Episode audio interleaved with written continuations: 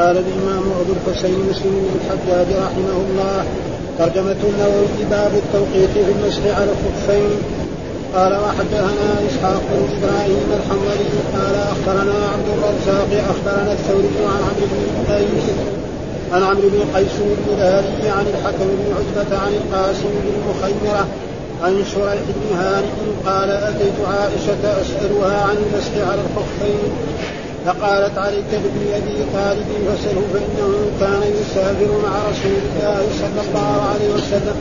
فسألناه فقال جعل رسول الله صلى الله عليه وسلم ثلاثة أيام ولياليهم ولياليهن للمسافر ويوما وليلة للمقيم. قال وكان سفيان إذا ذكر عمرا اثنى عليه قال وحدثنا إسحاق وأخبرنا زكريا بن عبد عن عبيد الله بن عمرو عن زيد بن ابي منيسة عن الحكم في هذا الإسناد مثله. قال وحدثني زهير بن حرب حدثنا أبو معاوية عن الأعمش عن الحكم عن القاسم بن مخيمرة عن شريح بن هانئ قال عائشة عن المسح على الخفين فقالت ائت عليا فانه أعلم بذا مني. فأتيت عليا فذكر عن النبي صلى الله عليه وسلم بمثله قال حدثنا محمد بن عبد الله بن نمير حدثنا أبي حدثنا سفيان عن علقمة بن مرثد. قام حدثني محمد بن حاتم وله له حدثنا يحيى بن سعيد عن سفيان. قال حدثني علقمة بن مرثد عن سليمان بن بريدة عن أبيه أن النبي صلى الله عليه وسلم صلى الصلوات يوم الفتح بوضوء واحد ومسح على خفيه. فقال له عمر لقد صنعت اليوم شيئا لم تكن تصنعه. قال عمدا صنعته يا عمر.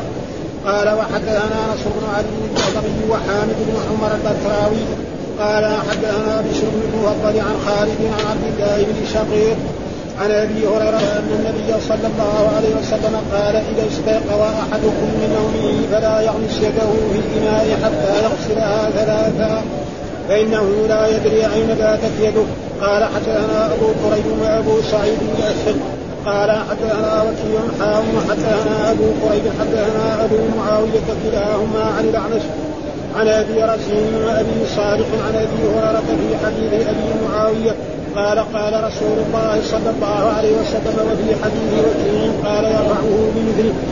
قال وحدثنا أبو بكر بن أبي شيبة وعمرو بن ناقد وزهير بن حرب قال وحدثنا سفيان بن عيينة عن الزهري عن أبي سلمه حام وحدثني محمد بن رافع حدثنا عبد الرزاق أخبرنا معمر عن الزهري عن ابن المسيب كلاهما عن أبي هريرة عن النبي صلى الله عليه وسلم من مثله قال وحدثني سلمة بن شبيب قال حدثنا الحسن بن أعين حدثنا معقل عن ابي الزبير عن جابر عن أبي هريرة أنه أخبره أن النبي صلى الله عليه وسلم قال إذا استيقظ أحدكم فليفرغ على يده ثلاث مرات قبل قبل أن يدخل يده في إنائه فإنه لا يدري فيما باتت يده.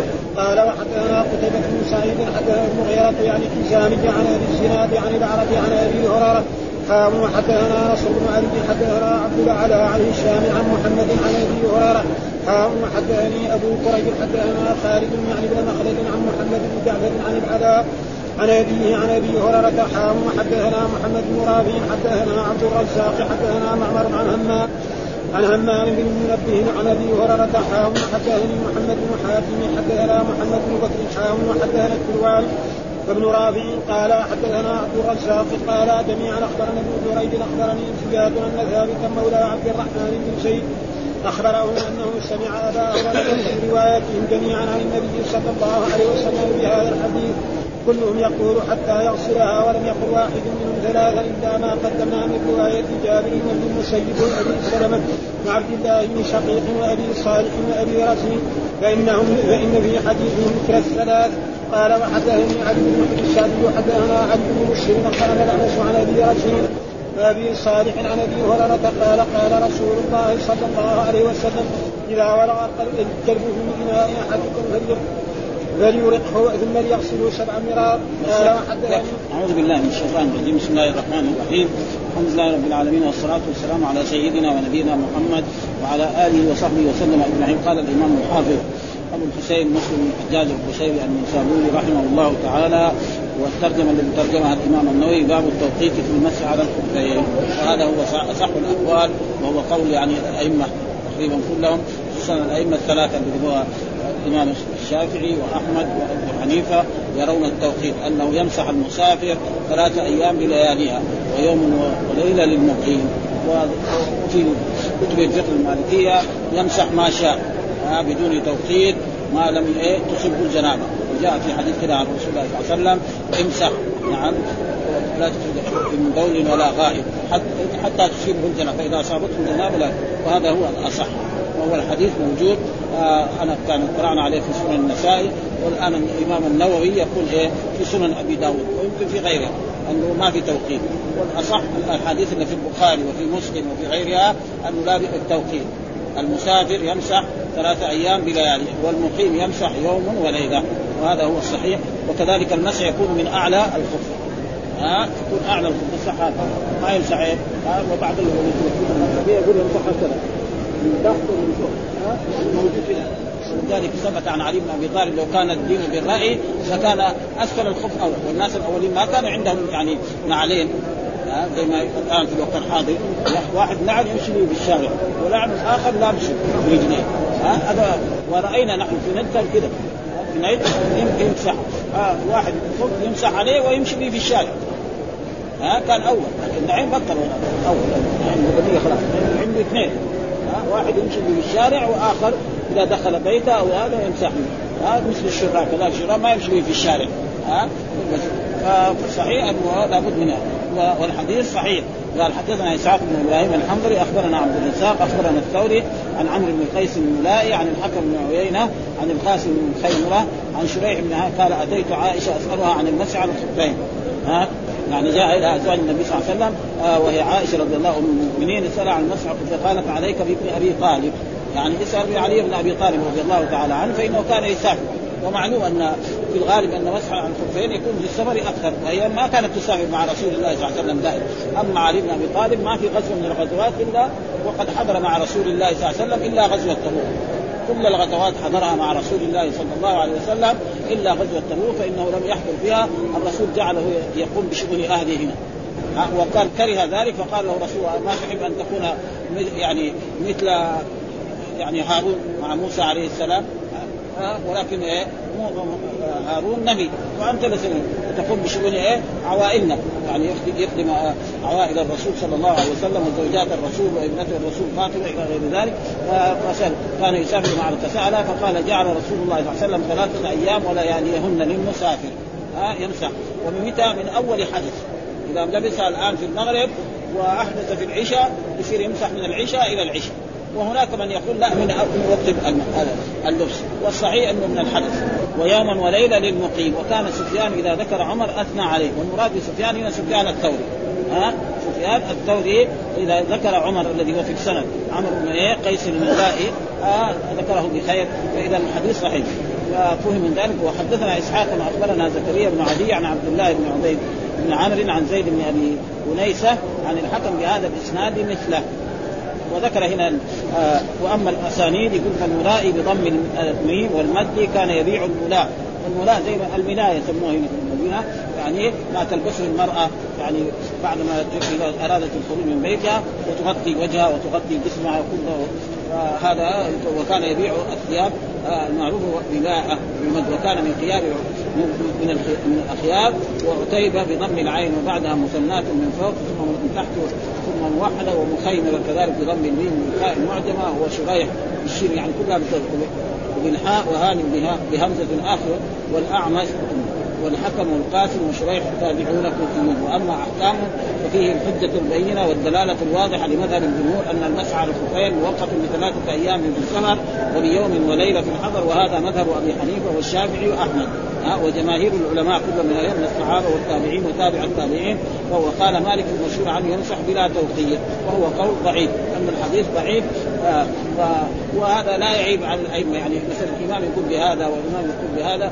ليه؟ لأنه مثلا يعني ما اتصل ما عرف الحديث أو ظن أنه ضعيف أو غير ذلك أو ما بلغه الحديث. يعني نحن نقول الامام مالك ما بلغته هذه الأحاديث فيصير ما عليه واحتجوا بحديث أبي عمار بكسر العين في ترك التوقيت رواه أبو داود وغيره. يعني كذلك في النساء وهو حديث ضعيف باتفاق أهل الحديث.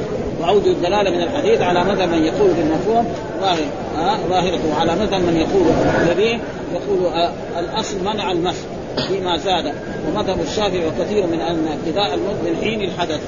آه مو من حين اللبس من حين الحدث. هذا كلام العلماء. فاذا قال العلماء ذلك فإن الرسول ما قال مثلا لا من حين الحدث ولا من آه بعد لبس الخف لا من حين اللبس ولا من حين المس ثم إن الحديث عام مخصوص بحديث صفوان بن عسال رضي الله تعالى عنه قال أمرنا رسول الله صلى الله عليه وسلم إذا كنا مسافرين أو سفرا ها سفرا يعني ها وهذا موجود. الرسول كان يقول كان يصلي باهل مكة الظهر والعصر والعشاء ركعتين ويقول يا أهل مكة صلوا صلاتكم فإنا قوم سفر يعني مسافرين.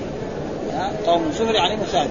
مسافر يجمع على مسافرين ويجمع على سفر.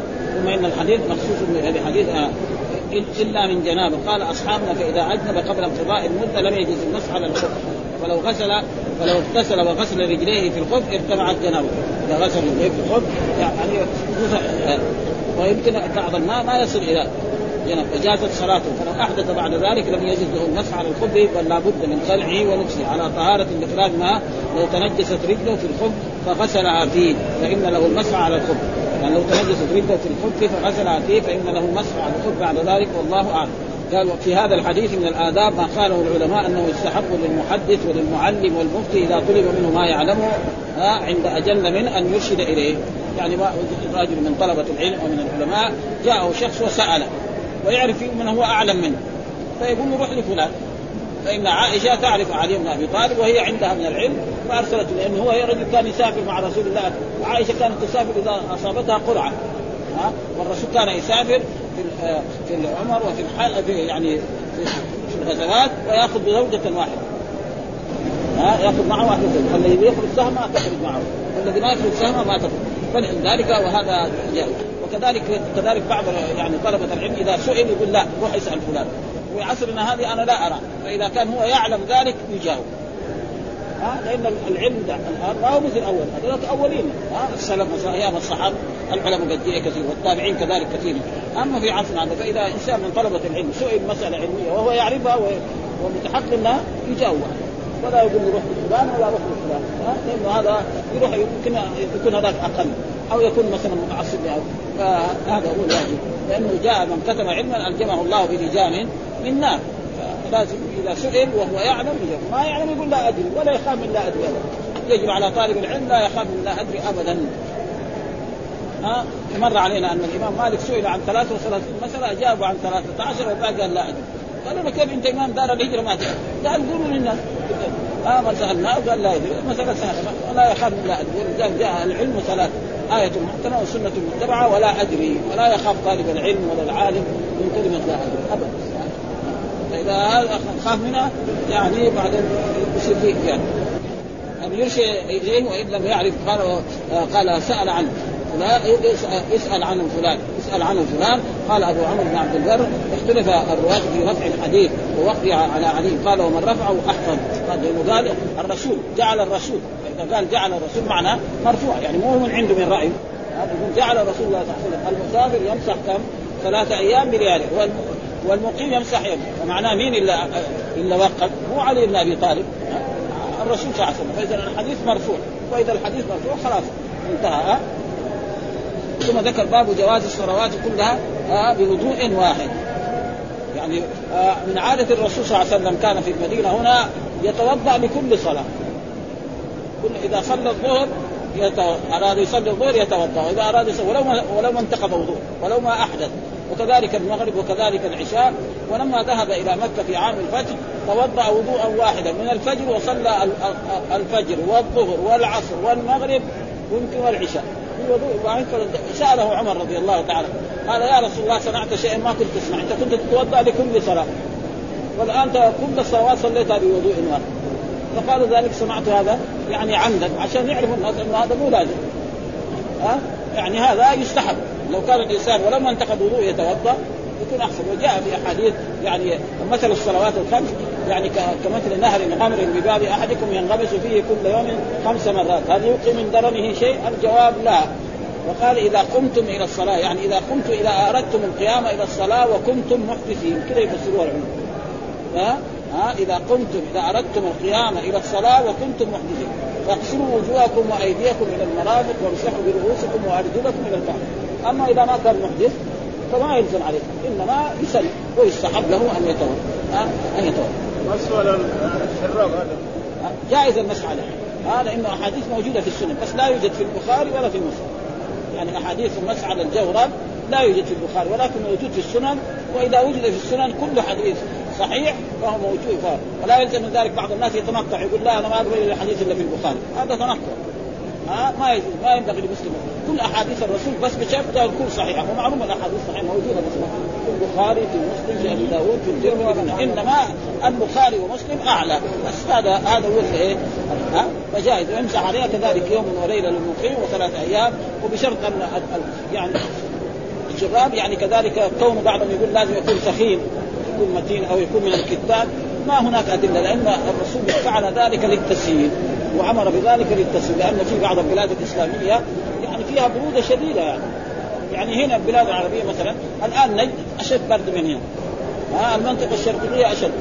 آه سوريا تركيا خلي عدد يعني روسيا. هناك مرات يقول إيه؟ يعني تحت الصفر 30 نحن هنا لما يصير أربع فوق الصفر تعبانين يعني. خمسة هذه الأيام يعني جو دافئ فلذلك ذاك وكذلك بشرط أنه يقول لا يكون مخروج كل هذه إذا كان فرق بسيط فتقريبا ما هناك أدلة يعني توجب انه لا بد أن يكون هذا. فالحديث هو ثم ذكر أن الرسول توضأ يعني آه، جواز الصلاه بوضوء واحد. ها؟ وهذا اذا إذا توضأ لكل صلاة هذا تقريبا مستحب وسنة. وأما واجب فلا يجب من ذلك لأن الرسول كان يتوضأ لكل صلاة. هذه عادته في المدينة وفي هذا. ثم في لما فتح مكة توضأ بوضوء واحد وصلى جميع الصلوات الخمس والرسول هو القدوة آه قال حدثنا محمد بن عبد الله بن نمير حدثنا أبي حدثنا سفيان عن علقمة ها آه ابن إيه؟ مرثد حول الإسلام وقال حدثنا محمد بن حاتم واللفظ له حدثنا يحيى بن سعيد عن سفيان قال حدثني علقمة شوف الأول قال حدثنا سفيان عن علقمة مين هو سفيان؟ سفيان الثوري من الأئمة لكن عن علقمة هنا عن عن وهو إيه؟ مدلس فلما كان مدلس جاب الحديث الثاني قال حدثنا عن سفيان قال حدثني علقمة. عشان يزيد إيه؟ التدليس. حدثني علقمة. هناك قال عن علقمة. هنا قال لا حدثنا. خلاص ها؟ ودائما ال ال ال الذي يكون عنده تدليس وقال حدثنا مقبول منه. وإذا قال عن ما يقبل وهو سفيان معروف عنده التدليس فالحديث الأول فجاب الحديث الثاني قال حدثني علقمة. خلاص صار الحديث إيه؟ يعني ما في تدليس عن علقمه بن مرثد عن سليمان بن بريدة عن أبي أن النبي صلى الله عليه وسلم صلى الصلوات يوم الفتح بوضوء واحد. أن الرسول يوم الفتح يوم فتح مكة. ويوم فتح مكة كان في العام الثامن من هجرته صلى الله عليه وسلم بوضوء واحد. هذا بوضوء يعني فعل وضوءا واحد. وقلنا الوضوء معناه الفعل والوضوء معناه الماء الذي توضأ. إذا كانت الواو مفتوحة الماء الماء الذي توضأ سواء كان في إبريق أو في وعاء أو في غير ذلك يسمى وضوء. وضوء نفس الفعل. نفس غسل اليدين والمضمضة والاستنشاق وغسل الوجه ثلاثا ومسح الرأس وهو غسل اليدين المرفقين ومسح الرأس وغسل الرجلين الكعبين. هذا يسمى هو وضوء الفعل. والوضوء نفس الماء الذي كان ومسح على خفيه فقال له عمر لقد صنعت اليوم شيئا لم تكن تصنعه. قال عمدا صنعته يا عمر. ها عشان يعلموا أن ذلك جائز. لأن الرسول دائما كان يتوضأ لكل صلاة والآن توضأ وضوءا واحد لخمس صلوات معناه إنه جائز فالإنسان إذا ما انتقد وضوءه جاز له ذلك وهذا تقريبا وذكر هنا من انواع في هذا الحديث أنواع من العلم منها جواز المسح على الخف وجواز الصلوات المفروضات والنوافل بوضوء واحد ما لم يحدث وهذا جائز بإجماع من يعتد به. وحكى أبو جعفر الطحاوي وأبو الحسن بن بطال في شرح صحيح البخاري عن عائشة عن طائفه من العلماء أنهم قالوا يجب الوضوء لكل صلاة وإن كان متطهر. وهذا ما في دليل عليه. ها؟ ابدا. ها؟ واحتجوا لقوله تعالى إذا قمتم إلى الصلاة فاغسلوا وجه لأن الله قال إذا قمتم. آه يعني إذا أردتم القيام فاغسلوا. هذا كان فاغسلوا فعل أمر. والصحيح لا إذا قمتم إذا أردتم القيام إلى الصلاة وأنتم محدثون. كذا يعني. هذه معنى الآية. أردتم القيام إلى الصلاة وأنتم محدثون فاغسلوا وجوه. وأما إذا لم يكن محدث وأراد يكون الصلاة وضوء من تقض فله أن يسلم. وهذا يكون إيه جمعنا بين الآية وجمعنا بين حديث رسول بين فعل رسول الله صلى الله عليه وسلم في عام الفتح لما إيه كان يتوضأ لكل صلاة. ثم في يوم بعد فتح مكة توضأ وضوءا وصلى الفجر والظهر والعصر والمغرب والعشاء. وضوء واحد فمعنى ذلك أنه جائز. وما وما أظن هذا المذهب يصح عن أحد ولعلهم ارادوا استحباب تجديد الوضوء، أما المستحب هذا ما في شك. ها جائز.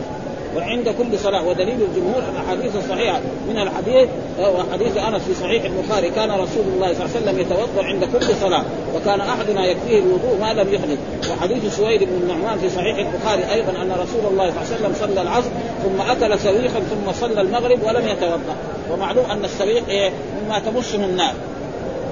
يعني كان في أول الإسلام أي إنسان يعني يتوضأ ويأكل ما تمسه النار أمر الرسول يعني بالوضوء وجاء في احاديث رسول الله صلى الله عليه وسلم يعني الوضوء من كل ما مسته النار والسويق معناه إيه؟ هو يجي حب بر أو دخن يحمس في النار ثم بعد ذلك يدق ثم يأكل.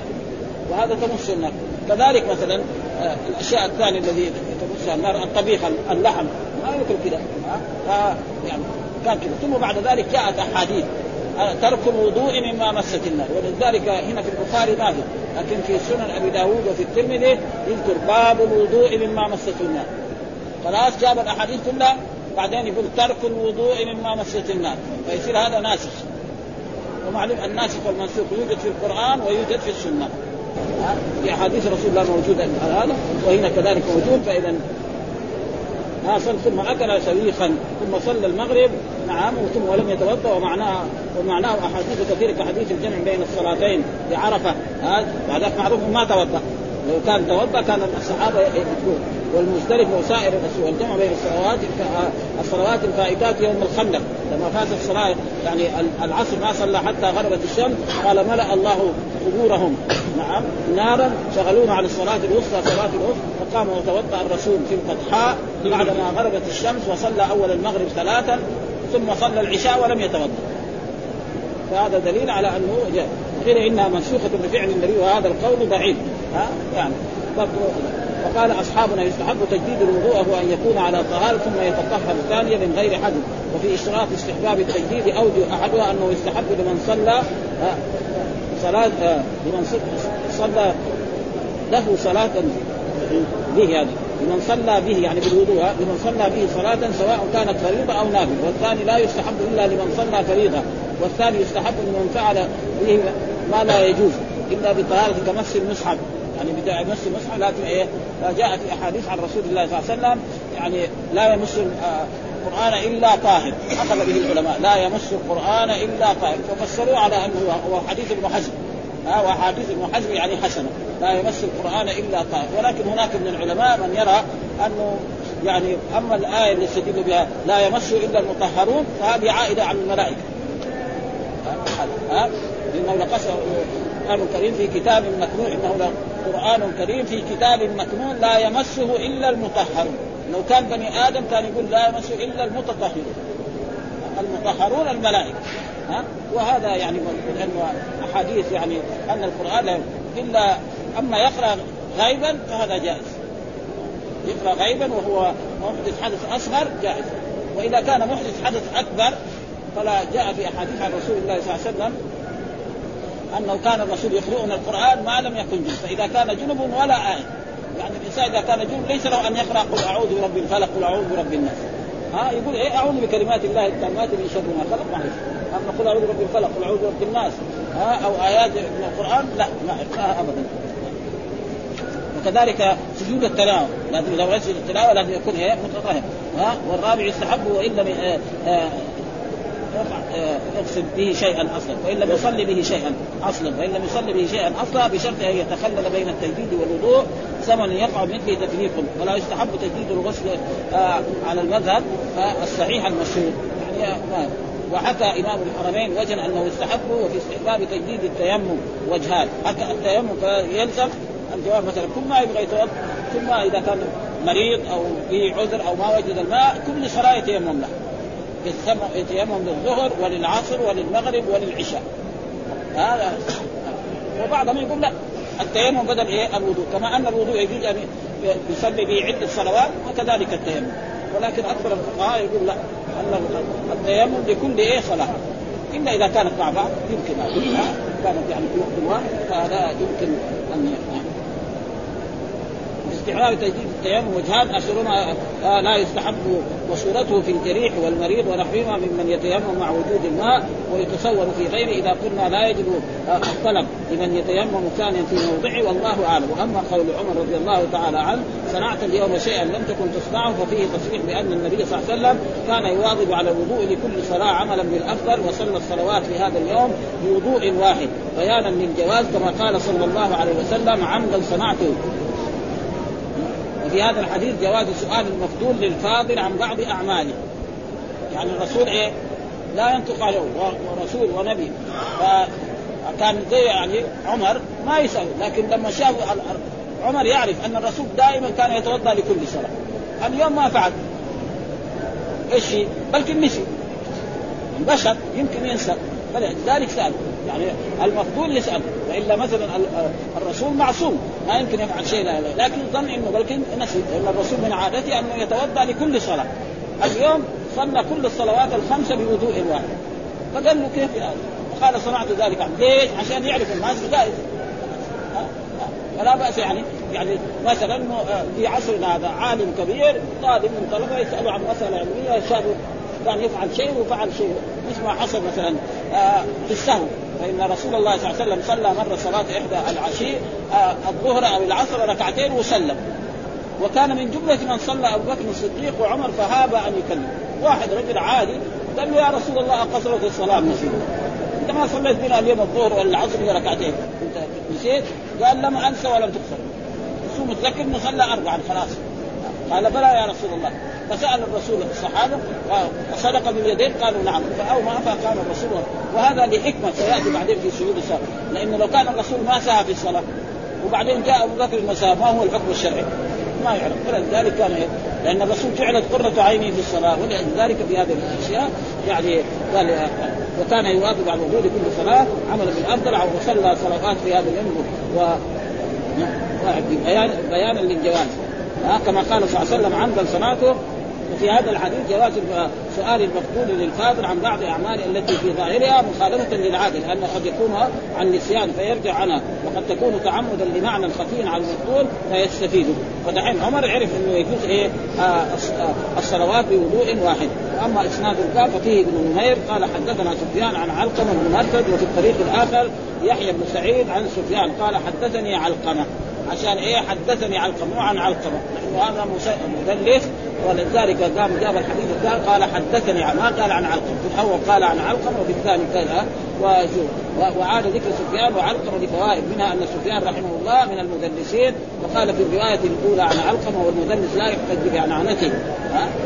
ها؟ بالاتفاق إلا إن ثبت السماع من وجميع الأحاديث المعنعنه في البخاري وفي مسلم لها طرق مرويه متصلة. أما في غيرها فيها فيها أشياء.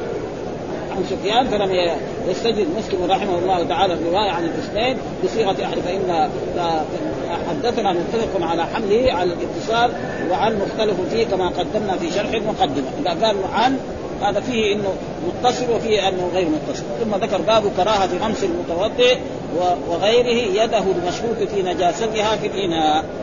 يعني هذا باب كراهة غمس المتوضئ. مصدر مضيف إلى فاعل. ثم بعد ذلك وغيره يعني باب كراهة غمس المتوضئ وغمس إيه؟ غيره. بعدين يده هذا المفعول مصدر أضيف إلى إلى إلى فاعله ثم جاء بعده. كثير في القرآن. ولولا دفع الله الناس. يعني ولولا أن يدفع الله الناس. ولولا دفع الله.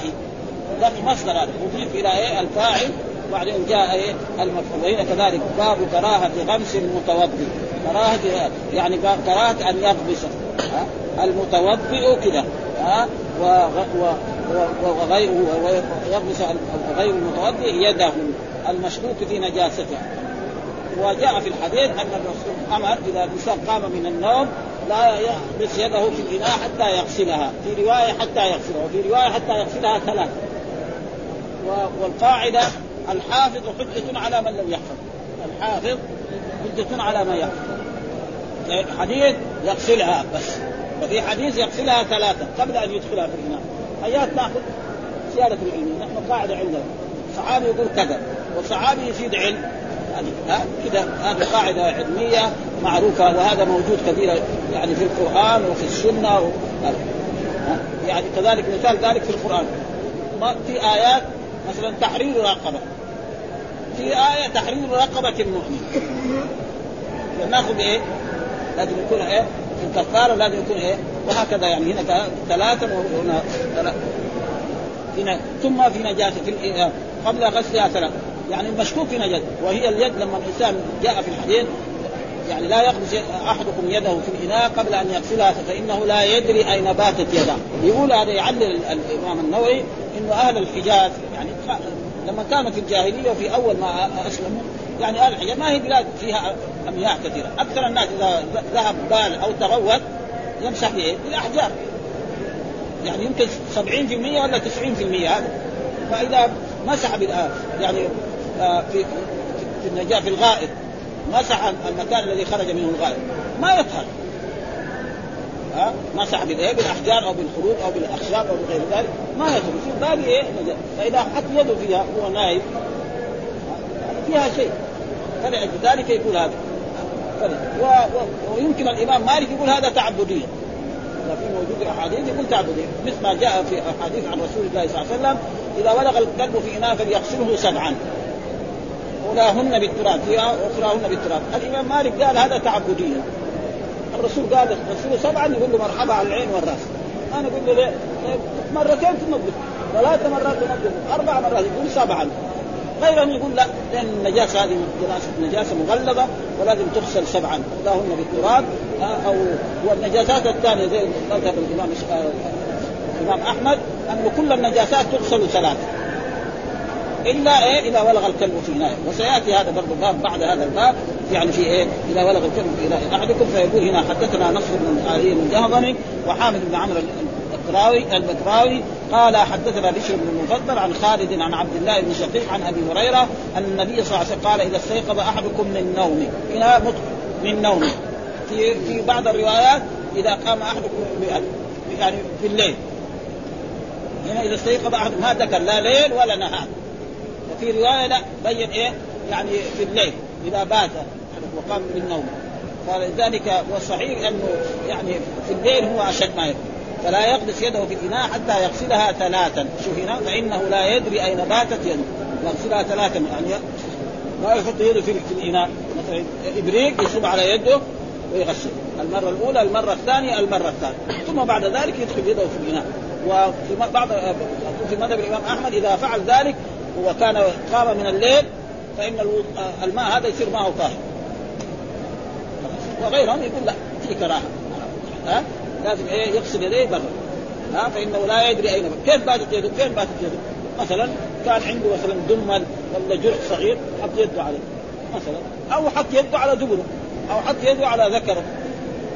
وخصوصا إذا كان الأولين كان يعني يلسعوا فهذا هو السبب في ذلك فالرسول قال وعلى كل حال ليس إنه ما في ما في تحقق. فإذا النجاسة مشكوك فيها. وما في نجاسة خصوصا في عصرنا الآن. الناس كلهم يعني في المية 95 يغسلون محل الباب ومحل الغائب. فيقول هنا ها يغسلها ثلاثة فإنه لا يدري أين باتت يده. فلذلك آه، هذه أشياء أمر الرسول بها آه، قال الشافعي وغيره من العلماء رحمه الله تعالى ومعنى قوله صلى الله عليه وسلم لا يدري أين باتت يده إن أهل الحجاز كانوا يستنجون بالاحجاز وبلادهم حارة. فإذا نام أحدهم عرق فلا يأمن النائم أن يطوف آه، أن يطوف يده على ذلك الموضع النجس أو على بترة أو خملة أو قدر غير ذلك. وفي الحديث دلالة لمسائل كثيرة في مذهبنا ومذهب الجمهور مذهب الإمام الشافعي منها أن الماء القليل إذا وردت عليه نجاسة نجسته. أي ماء قليل إذا وردت عليه نجاسة ولو نقطة من من الدم أو نقطة من البول مثلا في الإبريق أو في الوعاء الصغير أما إذا وردت النجاسة على الأرض. الماء ورد على النجاسة تطهر. زي لما بال الأعرابي في هذا المسجد. الرسول قال إيه؟ نعم أريقوا عليه ذنوبا من ماء. إن بول الأعرابي قد يصير في المغرافيا كثير يعني. ها؟ ويجد الذنوب من الماء معناه دلو كبير. يصير خلاص يروح النجاسة. أما آه، إذا وردت النجاسة على الماء ولو قليل. ولذلك ولكن أعدل المذاهب حقيقة في في في, في, في الماء هو مذهب الإمام مالك رحمه الله تعالى. واحسنها وأقوى إيه دليل. لأنه في أحاديث عن رسول الله صلى الله عليه وسلم الماء طهور لا ينجسه شيء إلا ما غير لونه أو طعمه أو ريحه. يعني حتى في الابليق إذا جاء شيء ما غير لا لونه ولا طعمه ولا ريحه معناه طاهر. هذا يعني تقريبا هو المذاهب الثانية زي الشافعية والحنابلة يروا أنه لازم يكون يعني يكون القلتين. قلتين معناه كناية عن يعني برميل كبير يعني ها قلتين وعاء كبير. فلذلك وكذلك بعض المذاهب يرى أن أن الماء ينقسم إلى قسمين خصوصا المحدثين ها أن الماء طهور ونجس لأنه في الأحاديث ما في طاهر. لكن المذاهب في هذا أن الماء طهور وطاهر ونجس طهور يتوضأ به ويغسل النجس. طاهر يشرب يشرب الماء نعم يطبخ به ونجس الذي لا يجوز لا يطهر به ولكن الحديث والحديث كده موجود الماء طهور لا ينجسه شيء إلا ما غير لونه أو طعمه أو ريحه بنجاسه هذاك إيش يقول؟ يقول مثلا الماء الذي اختلط مثلا مثلا بالزعفران. أو بالورد. إيش نسميه؟ نسميه ماء الورد. ماء الزعفران. ما ما يسمى ماء بس. هذا هو. وسيأتي يمكن في إيه؟ في أحاديث يعني طهارة الموضوع هذا. هذا. لأن الذي تعلق باللد لا يرى قليلا وكانت عادتهم استعمال الأواني الصغيرة التي تقصر عن قلتين بل لا تقاربهما. ومنها الفرق بين ورود الماء على النجاسة وورودها عليه. أن إذا وردت عليه النجاسة وأن إذا وردت عليه النجاسة وإذا ورد عليها أزالها. ومنها أن الغسل سبعا ليس عام في جميع النجاسات وإنما ورد الشرع به في ورود الكلب خاصة. ومنها أن موضع الاستنجاء لا يطهر بالأحجار. آه إنما هذا تخفيف. من إيه؟ من الرب سبحانه ومن رسول الله صلى الله عليه وسلم بل يبقى نجسا آه معفوا عنه في حق الصلاة. ومنها استحباب غسل النجاسة ثلاثة لأنه إذا أمر به في المتوهمه وفي المحققة أولى. ولذلك يمكن الإمام الشافعي كذلك مثل الإمام أحمد في هذا أن كل نجاسة تغسل ثلاث إلا الكلب فإنها تغسل سبعا أولاهن أو أخراهن بالتراب ها يصعب فيها ولا يؤثر فيها الرش. ها لا يؤثر فيها الرش هذاك في إيه؟ في بول الغلام. فانه صلى الله عليه وسلم قال حتى يغسلها ولم يقل حتى يغسلها أو يرشها. ومن استحباب الاخذ بالاحتياط في العبادات وغيرها ما لم يخرج عن حد الاحتياط إلى حد الوسوسة. كما يوجد في بعض الناس الطيبين الصالحين تجد عنده وسوسة. ها؟ يعني كثيرا من الناس يدخل فيهم الوسواس شديدا جدا حتى يرى مثلا البيوت اللي فيها أطفال أن فراشهم كله نجس. ولا يرضى يتوضأ هناك ولا يأخذ من ماءهم ولا شيء. وكذلك بعضهم كذلك يدخل عليه الشيطان من جهة القراءة.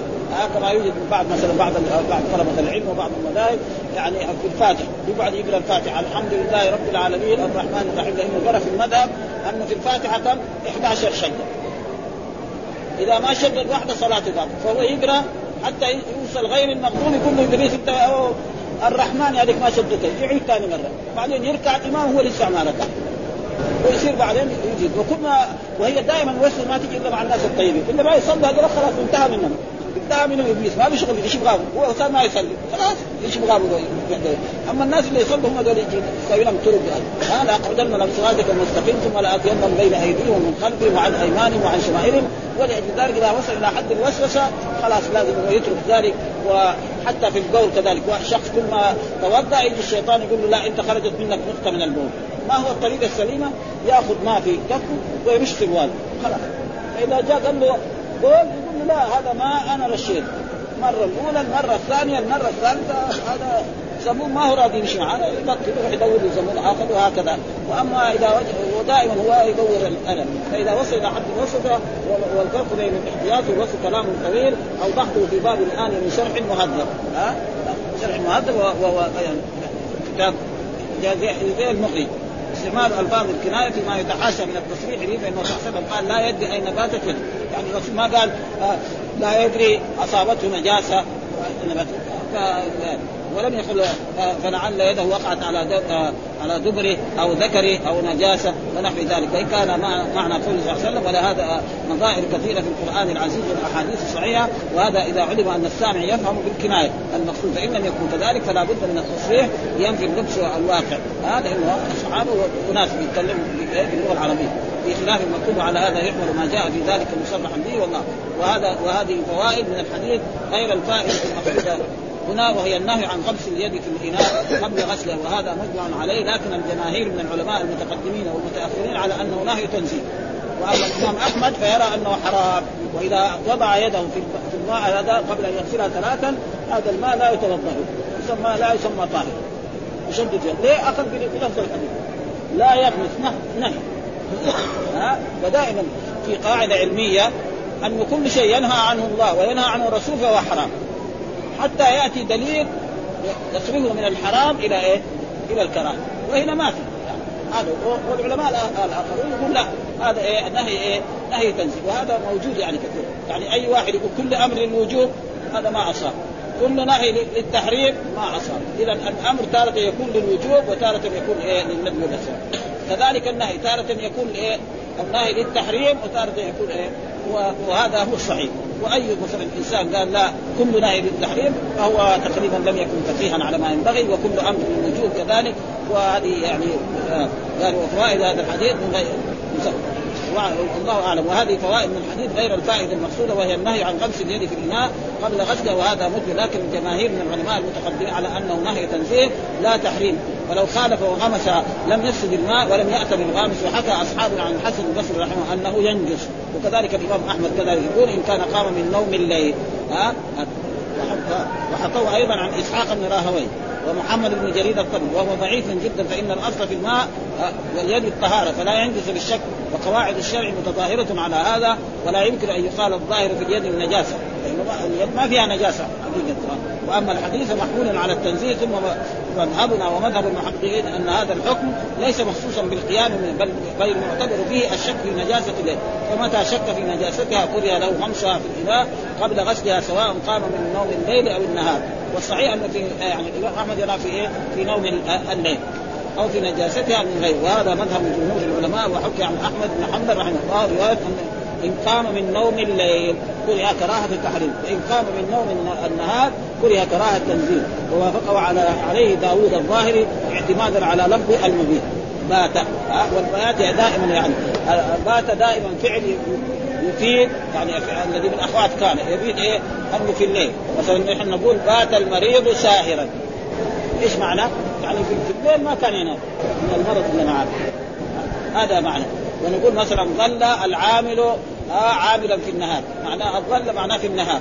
كذا معناها هذه الأفعال لها معاني تؤديها في إيه؟ في اللغة العربية. وهذا مثلا فإن النبي صلى الله عليه وسلم نبه على العله بقوله صلى الله عليه وسلم إنه لا يدري أين باتت يده ومعناه لا يؤمن النجاسه على يده وهذا عام لوجود الاحتمال.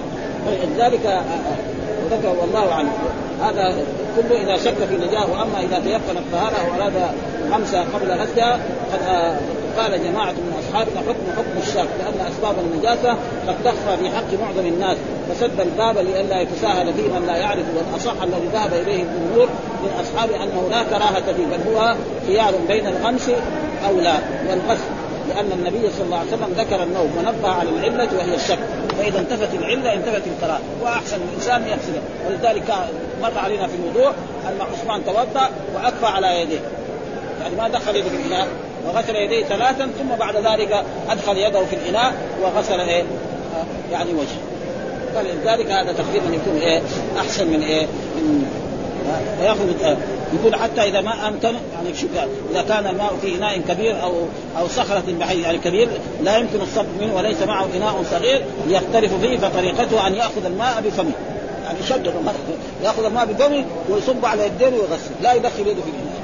هذا كمان يعني ها كفيه أو يأخذ بطرف ثوبه طرف إن كان سوق ولا شيء ثاني يمكن ما يمكن أو يستعين بغيره. يقول واحد تعال أنت صب لي على يدي ويكون هذاك يعني ما نام. وأما أسانيد الباب ففيها الجابر وهذا معروف يعني. وعمر البكراوي بفتح الباء الواحد واسكان وهو حامد بن عمرو بن حفص بن عمرو بن عبد الله بن أبي بكر بن نفيع عن الصحابي فنسب حامل إلى جده وفيه أبو رزين. واسمه مسعود بن مالك الكوفي كان عالما فيها وهو مولى أبي وائل شقيق ابن سلمة وفيه قول مسلم رحمه في حديث أبي معاوية قال رسول الله صلى الله عليه وسلم وفي حديث وكيع يرفعه. ولا فرق بين قال رسول الله صلى الله عليه وسلم وبين الصحابي يرفع الحديث إلى رسول الله، الحديث المرفوع ما قاله رسول الله صلى الله عليه وسلم، الحديث الموقوف يعني الموقوف على الصحابي، الصحابي فهموا من آية أو من حديث نبوي غير ذلك فهذا معناه يعني قال عن أبي هريرة يرفع وهذا وهذا بمعنى ذلك عند أهله كما قدمناه في المقصود. ولكن اراد مسلم أن يروي بالمعنى فإن الرواية بالمعنى حرام عند جماعات من العلماء وجائزة عند الأكثرين. إلا أن الأولى اجتناب